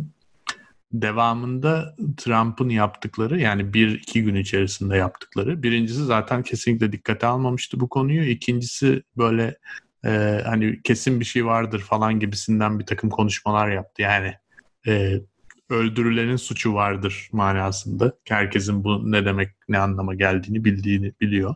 Ee, o noktada şunu demiştim burada e, Amerikalı bir arkadaşımla konuşurken. Dedim ki Trump seçim şeyini başlattı. E, startı verdi yani bu olayla birlikte.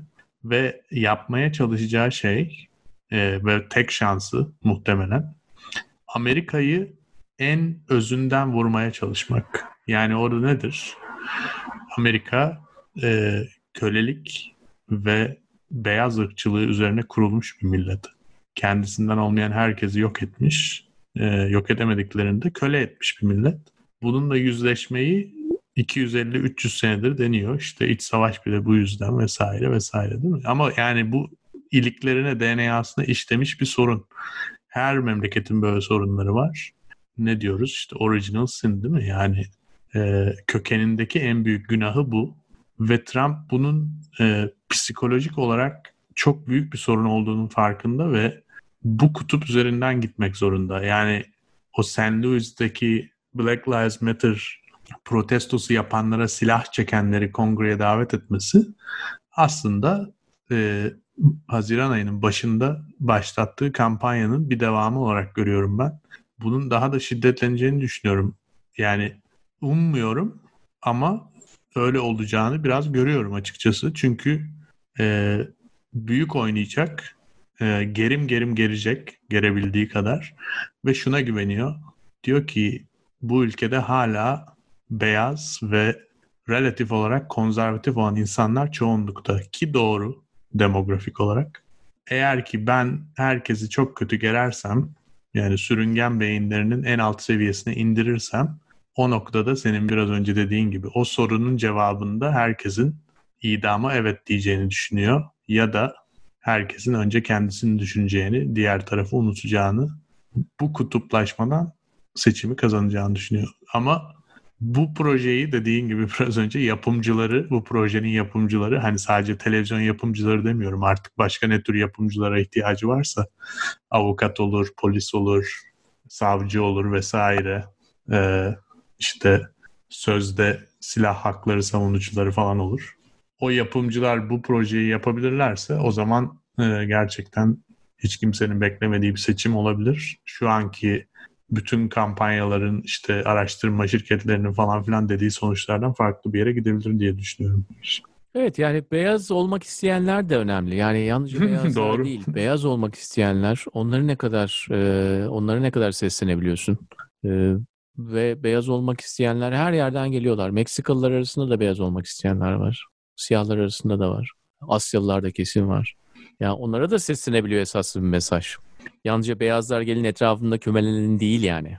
Original Sin varsa bir de buranın gerçek sahipleri de var.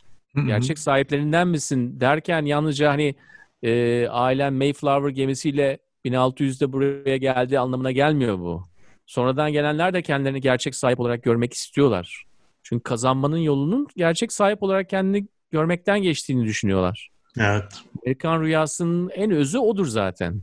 Zaten onun gerçek sahibiyim. Hı hı. Yani o, sorun da oradan zaten bu. Yani sahibiyim demekten. Yoksa beyaz veya ne renk olduğuyla alakası yok. Ben buranın sahibiyim demenden ve sahibi olmanın da esas yani bir hiyerarşik bir anlamı olmasından. O hiyerarşi üzerine e, oyun kurmak akıllıca ve bunu yalnızca satın alacak olanlar beyazlar değil. Doğru. Ee, Meksikalılar zaten... dahil olmak üzere, siyahlar zaten... dahil olmak üzere binlerce insandan bahsediyoruz. Ha, binlerce insan, milyonlarca insan olur mu onu göreceğiz. Ee, ama bu mesaj önemlidir. Bu mesaj önemlidir. Yani şu anlamda sana katılıyorum yalnız. Ee, bu biraz bu bir ırk seçimi. Yani Hı-hı. bu bir race presidency. Hı-hı. Ve Biden seçilirse eğer e, başkanlığını da ırk üzerine kuracak. Hı-hı. Yani sağlık sistemi üzerine kurmayacak, e, yalnızca e, ekonomi üzerine kurmayacak, ırk üzerine kuracak. Ve e, benim hani Covid'in başlangıcından beri söylediğim teorim şuydu zaten sana. E, Amerika'da eyaletler iflas etmeye başlayacak ve federal hükümet eyaletlere para göndermeye başlayacak. E, Amerika'da ırk demek yoksulluk demektir. Hı hı. E, bununla ilgili çok para harcanmaya başlayacak ve e, özellikle eyalet bazında iflaslar göreceğimizi düşünüyorum. Eğer federal hükümet bu konuda adım atmazsa ve e, ırk hükümeti olmak Amerika'da aynı zamanda sola doğru kaymaktır yani progresif olmaktır. Yani Biden Demokrat Parti'yi toparlamaya çalışırken e, e, Sanders'la bahsettik biraz önce. Sanders'ın başı çektiği progresif grup artık Demokrat Parti'de neredeyse şey hale gelmeye başlıyor. Daha da gittikçe daha önemli hale gelmeye evet. başlıyor değil mi? Üç sene önce radikal olan şu an merkeze doğru gelmeye başlıyor partide. Ee, bu Sanders da onu dedi zaten. 4 Artık sene siz önce, de bizdensiniz evet. dedi evet. 4 sene önce radikal olan fikirlerimiz şu an başkanlık biletinin içinde dedi.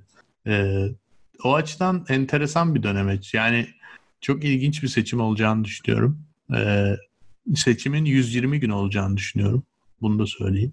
E, yani seçimden önceki 60 gün ve seçimden sonraki 60 günün seçime dahil olduğunu düşünüyorum. Seçim gününün hiçbir önemi yok şu anda. Bunun en büyük sebebi de bir sürü insanın sandığa gitmeden zaten e, posta yoluyla oy kullanacak olması. Orada zaten şu andan itibaren başlamış çok büyük bir tartışma var. İşte posta şirketini parasını aldı Trump müdürlerini değiştirdi. Yok oy sayma makinalarını. Posta şirket demeyin. Posta yani kurumu diye. Kamuya yani. ait evet. e, PTT gibi. PTT gerçi Türkiye'de ait mi hala bilmiyorum. Her şey Yok ayrıldı. E, te, te, telefon T'si zaten Telekom oldu. Satıldı da. Hmm. Amerika'da Postal Service federal hükümet tarafından e, sahipliği onlarda olan bir şey. Özelleşmiş falan değil. Ama çok sorunlu tabii. Para kaybediyor çünkü evet, masraflı ya para kaybediyor tamam masraflı ama e, o da konuşuluyor zaten. Yani tamam da masraflı para kaybediyor ama bu kamuya bir hizmet. Abi kaybetsin zaten siz vergiyi niye ödüyoruz o zaman? Ya her şey para kazanacaksa biz niye vergi veriyoruz? O zaman bizden para almasınlar. Yönetsinler yani her şey for profit olsun. O zaman ben de para vergi vermeyeyim zaten. Yani verdiğim verginin bir hizmetini alayım yani. Amerika Amerika usulü kapitalizmin gerçekten kafa yapısı çok anlamak zor yani. Hiçbir şey e, vergilerin hepsini alalım. Herkesten paraları toplayalım. Ama geriye hiçbir şey vermeyelim. Yani bu nasıl bir mantıktır ya? O zaman ordu da para kaybediyor ona bakarsan. evet. O zaman orduyla kaldıralım kardeş. yani ama işte oralarda olmuyor herhalde. Aa. Orada olmuyor ama şey e, posta servisini ortadan kaldırmayı düşünebiliyorlar yani. Ya onu da yeni aklına geldi ya. Gerçekten çok komik bir herif aslında. Yani düşündüğünde yani bu işin buralara geleceğini bile göremedi yani doğru düzgün. Ama gördüğü anda da hemen saldırıyor yani. Hiç de beklemiyor. Ee, bakalım. Tam ne demek istediğini anlamadım. Tekrar söylesene. Yani mesela bu Covid işi yüzünden yani bana sorarsan seçimin zaten bu şekilde yani Mart ayından itibaren seçimin buralara bu, bu tarafa doğru gideceği belli oldu direkt. Yani yani çok insanın postayla o, Evet aynen Hı-hı. öyle. Mart ayından evet. itibaren başlayabilirdi yani saldırılarına. Sonradan şimdi daha yeni aklı başına geldi Temmuz ayında. Aa gerçekten bu işler postaya dönerse postada da herhalde araştırma şirketlerinin sonuçlarını da gördü. Çünkü gerçekten öyle bir e, fark olacağı konuşuluyor postayla atanlar genelde demokrat Demokratlar, atma eğilimli. evet. Ee, yani çünkü bunun iki sebebi var zannediyorum. Birincisi zaten belli yerlerde özellikle güneyde e, cumhuriyetçilerin yönetimde veya çoğunlukta olduğu eyaletlerde demokrat oylar genelde azınlıklardan geliyor ve azınlıkların olduğu yerlerden geliyor. Bu tip yerlerde seçim sandıklarına ulaşmak ya da e, oy kullanmak için vatandaş olarak kayıt yaptırmak daha zor e, tasarlanmış olarak yani planlı olarak daha zor ki oy veremesinler. E, Cumhuriyetçiler kazanmaya devam etsin. Bu birinci sebebi. İkinci sebebi de Covid'den dolayı e, özellikle yani bu skalayı tartışabiliriz ama e, dikkatli olmaya çalışan yani paranoya seviyesinden makul bir seviyeye dikkatli olmaya çalışan herkes e, yani ya da herkes demeyelim ama yüzde 95 Demokrat Parti seçmedi. yani o yüzden çok önemli bir ayrım bu. bu. Bu gerçekten de çok önemli bir ayrım. Yani böyle hayvanlar aleminde konuşulacak bir şey bu ben sana söyleyeyim. e, o Kim yüzden... korkar ölümden? Hmm. daha eğitimliler, daha aklı çalışanlar ölümden daha çok korkuyor. çok güzel. Ölümden korkanlar Biden'a vermek istiyor o yüzden. Ee, Ama ölecek olan bir aday arıyorsun. ee, o yüzden Kamala'ya verecekler işte. Ee, ya bu yüzden evet yani seçimin 120 gün olacağını düşünüyorum Onur. Yani bol, bol... Nasıl yani? Şimdi 3 3 3 e, Kasım'da seçim olacak. Ondan sonra oylar sayılmaya devam edecek mi? Ben şöyle düşünüyorum. Yani yanlış. 2000 yılı gibi olacak neredeyse Yanı- yani. A- Yılbaşına öyle. kadar hiçbir şey belli olmayacak. 2000 plus plus da hatta sen ona. Yılbaşında geçebilir. Ee, yani sonuçlar tartışmalı olacak. Tartışmanın başka boyutları da olabilir. Sokakta bir takım boyutlar olabilir belli yerlerde. Ee, zaten yani Trump bunu ister. Özellikle mesela e, şehri liberal olup e, kırsalı cumhuriyetçi olan bir takım eyaletlerde Evet. ya da Florida gibi karışık yerlerde mesela e, çok e, sokakta bir karşılaşma senaryoları çok işine gelebilir diye düşünüyorum. Yani New York'u Kaliforniya'yı sayma zaten. Yani burada protesto olur. Hı hı. Ee, ama başka eyaletlerde ki biliyorsun Portland'da olaylar hala durulmuş değil. Çünkü şehrin dışından Oregon kırsalından gelen insanlar var şehre. Onlar aşırı sağcılar. Bu tip durumlarda yani işte San Louis'de, Missouri'de yani Amerika'nın orta kısımlarında ya da güneyde bazı yerlerde gerilimlerden e, fırsat bularak belli şeyleri iptal etmeye yönelik e, planlar içinde olduğunu çok düşünüyorum açıkçası. Yani fırsatını bulabilirse. E, ama o yüzden diyorum yani seçim gerilim e, hat safhaya çıkar. iki ay öncesinden başlar. E, her hafta bir olay, her hafta bir beyanat, her hafta bir e, skandal olacağını düşünüyorum seçime kadar. Ki geçen seçimi hatırlayalım. Yani Hillary kazanıyor kazanıyor herkes davul zurna çalıyordu ki biz bile programda muhtemelen kazanır demiştik. E, FBI belgeleri Muhtemelen değil demiştik. FBI belgeleri, e, e-mailleri falan onlar hep son dakika golü oldu yani. Ve her şey değişti.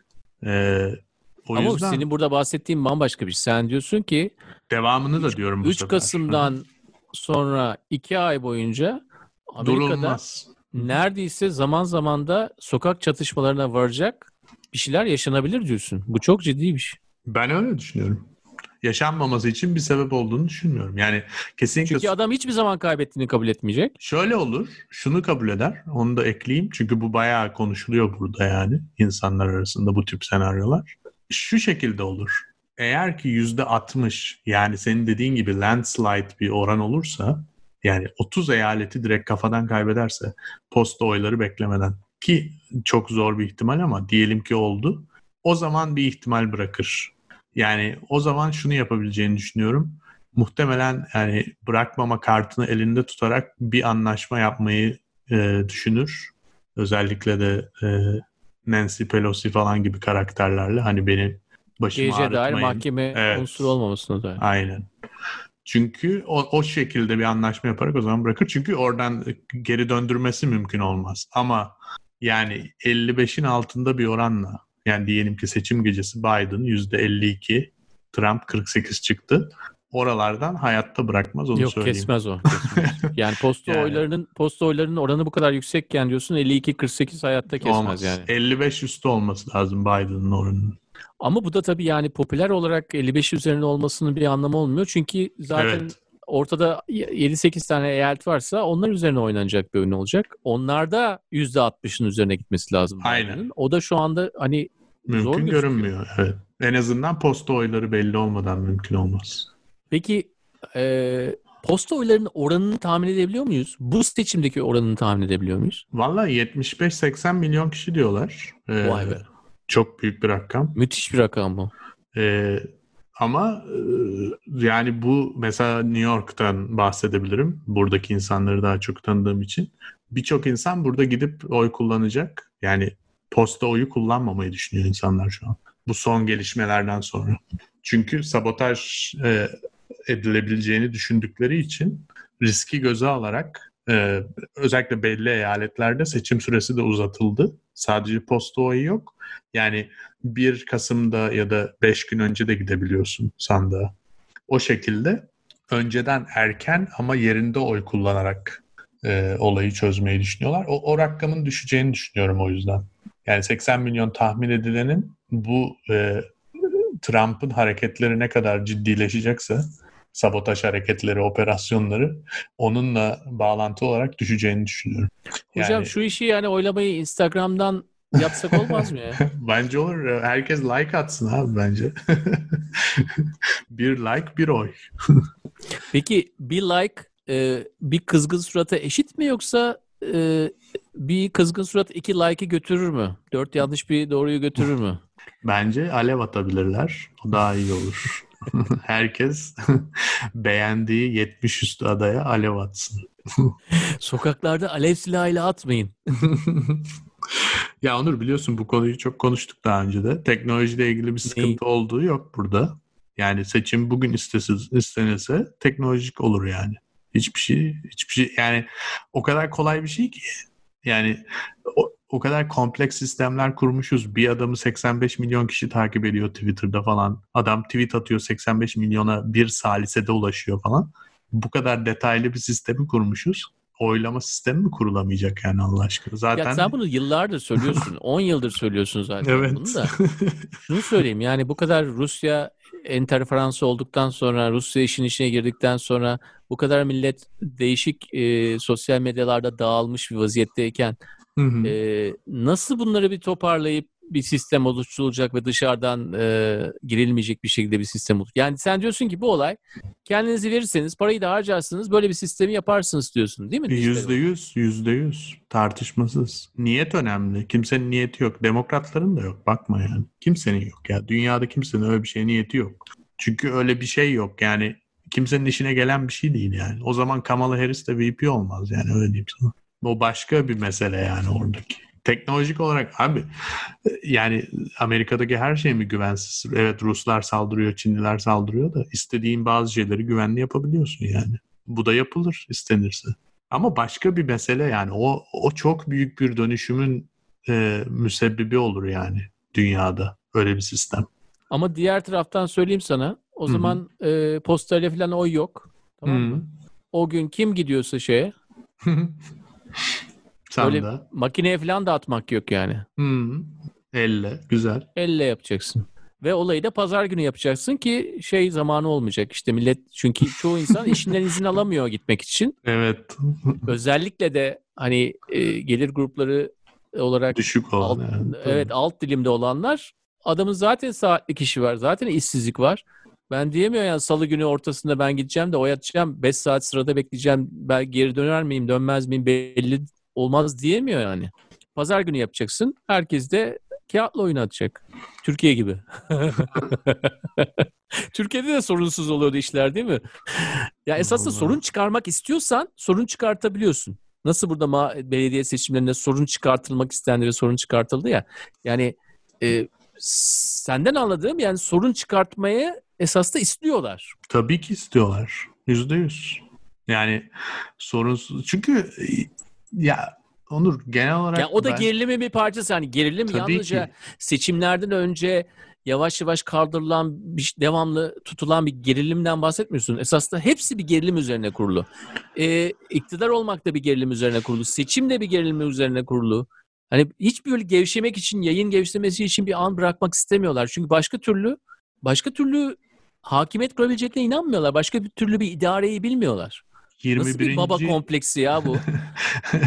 21. yüzyılın anahtar kelimesi gerilim abi. Gerilimsiz seçim mi oldu 21. yüzyılda? 2002'den beri olan o yani. Ee, yani 2008 Obama seçimi çok mu şey oldu, rahat oldu? Hiç öyle bir şey yok yani. Yani bu artık e, köhnemiş ve eskimiş bir sistem var. Bu sistemin miadı işte ne kadar uzatacaklarsa o kadar bilmiyorum. Ama o sistem bitmiş yani. Tükenmiş. Ama bunun içinden... Sen ister... idare etme sisteminden idare hem, olarak diyorsun hem, seçim sistemi olarak Hem seçim hem yönetim. İkisi de.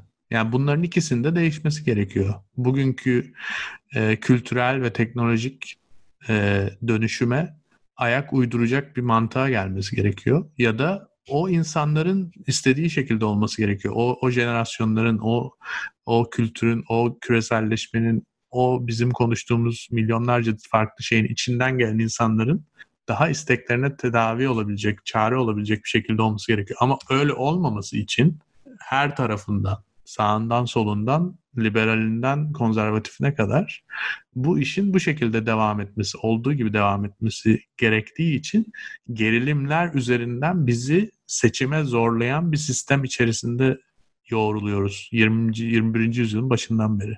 Yani ya ak ya kara ya Trump ya Biden ya o ya bu. Yani bunun e, bu gerilimin sadece tek bir taraftan olduğunu düşünmek bence biraz naiflik olur. Herkesin işine gelen bir şey. E, ama bu şekilde devam ediyor. O yüzden biz de bunu konuşuyoruz. Ama o zaman gerilim sonrası bir dünya düşünüyorsun eğer bu değişik insanların e, hani idarede olması veya seçilmek için aday olmasından bahset. Sen sistemsel olarak zaten değişiklik olması gerek ki bu gerilimden çıkalım diyorsun. Yani bu insanlar esası gerilimi yaratmıyor illa. Sistem zaten orada diyorsun. Sistem kendini o devam zaman ettirmek insanlar için... değişse bile zaten o sistem o gerilimi e, körüklemek için var. Ben öyle görüyorum biraz. Ha, o zaman yani bir tür bir devrim o zaman senin dediğin. Belki de. Küçük kendi çapında da olsa. o zaman gerildiği yerden koptuğu zaman ve ne işte, kadar gerilirse bir süre sonra kopacak. Işte. Koptuğu yer ama demek ki evet. Bu göreceğiz. Anladım. güzel yani hikaye güzel. Kriz olacak. Kriz sonrası şey yani e, çünkü o şekilde görüyorum başka türlü. Ama yani çıkış... senin dediğin şey olursa 3 Kasım'dan eğer e, eğer Ocak başına kadar sokakta böyle şeyler hmm. gerçekleşmeye başlarsa tabii Amerikan tarihinde e, olmamış bir şey bu. Yani sokak zaten durulmuş değil şu anda. E, eskisine göre yani iki ay öncesine göre daha iyi olabilir ama yani ben New York'ta polis görmüyorum sana öyle söyleyeyim yani. Ya polis sokakta öyle eskisi kadar görünür bir şekilde duramıyor yani şu anda. Ee, bunun o protestoların çok büyük bir şey etkisi olduğunu düşünüyorum. Sonucu olduğunu düşünüyorum. Ee, iyi anlamda düşünüyorum. Ee, ama bu, bu enteresan bir atmosfer. Yani bu atmosferin ve insanların gerçekten e, kesinlikle yani Trump'a karşı çok büyük bir tepkisi var. Beklentileri var kötü anlamda her şeyi yapabileceğine dair. E bu bu e, duygular onun için çok elverişli. Hamur gibi yani. O çok güzel yoğurabilir onu. E, onu görüyorum yani. E, insanların duygusal olması, e, ülkenin çok zor günlerden geçiyor olması, hem sağlık krizi açısından hem ekonomik kriz açısından. Yani hala 30 milyon aşkın işsiz insan var. Yani bu insanların sokağa çıkmaması için çok bir sebep de yok açıkçası. Vakitleri de var. Ee, olmaz olmaz. Belli olmaz yani. O yüzden e, ilk yani seçim öncesinde neler olacağının ve seçim gecesi çıkacak mesajın nasıl olacağının çok önemli olduğunu düşünüyorum. Mahir ne oldu? İnternet kesildi. Evet ya bilmiyorum çok mu konuştum acaba? Fazla attım Yok. tuttum. Amerika'da bir tek işleyen o kaldı zaten. İnternetiniz kaldı. O da gidiyorsa Abi, vay halinize diyorum artık. Biliyorsun 5G'de geri kaldık. O iş zor ya artık. Yani internette burada. Bilmiyorum. Beli doğrulamayabilir yani. Bir o kalmıştı yani. Huawei'yi alın artık ya. Olmadı bu iş. Önce TikTok sonra Huawei. İnşallah. 71 Beijing, 72 Şangay. Bir gece ansızın. Genel olarak seçim mesajı bunun üzerine kuruldu zaten. İki taraftan da. evet oraya yani gerilim deyince oraya dayanıyor yani. Oraya dayanıyor. Küçük gerilim, büyük gerilim. İleride Çinli olacağız mı olmayacağız mı?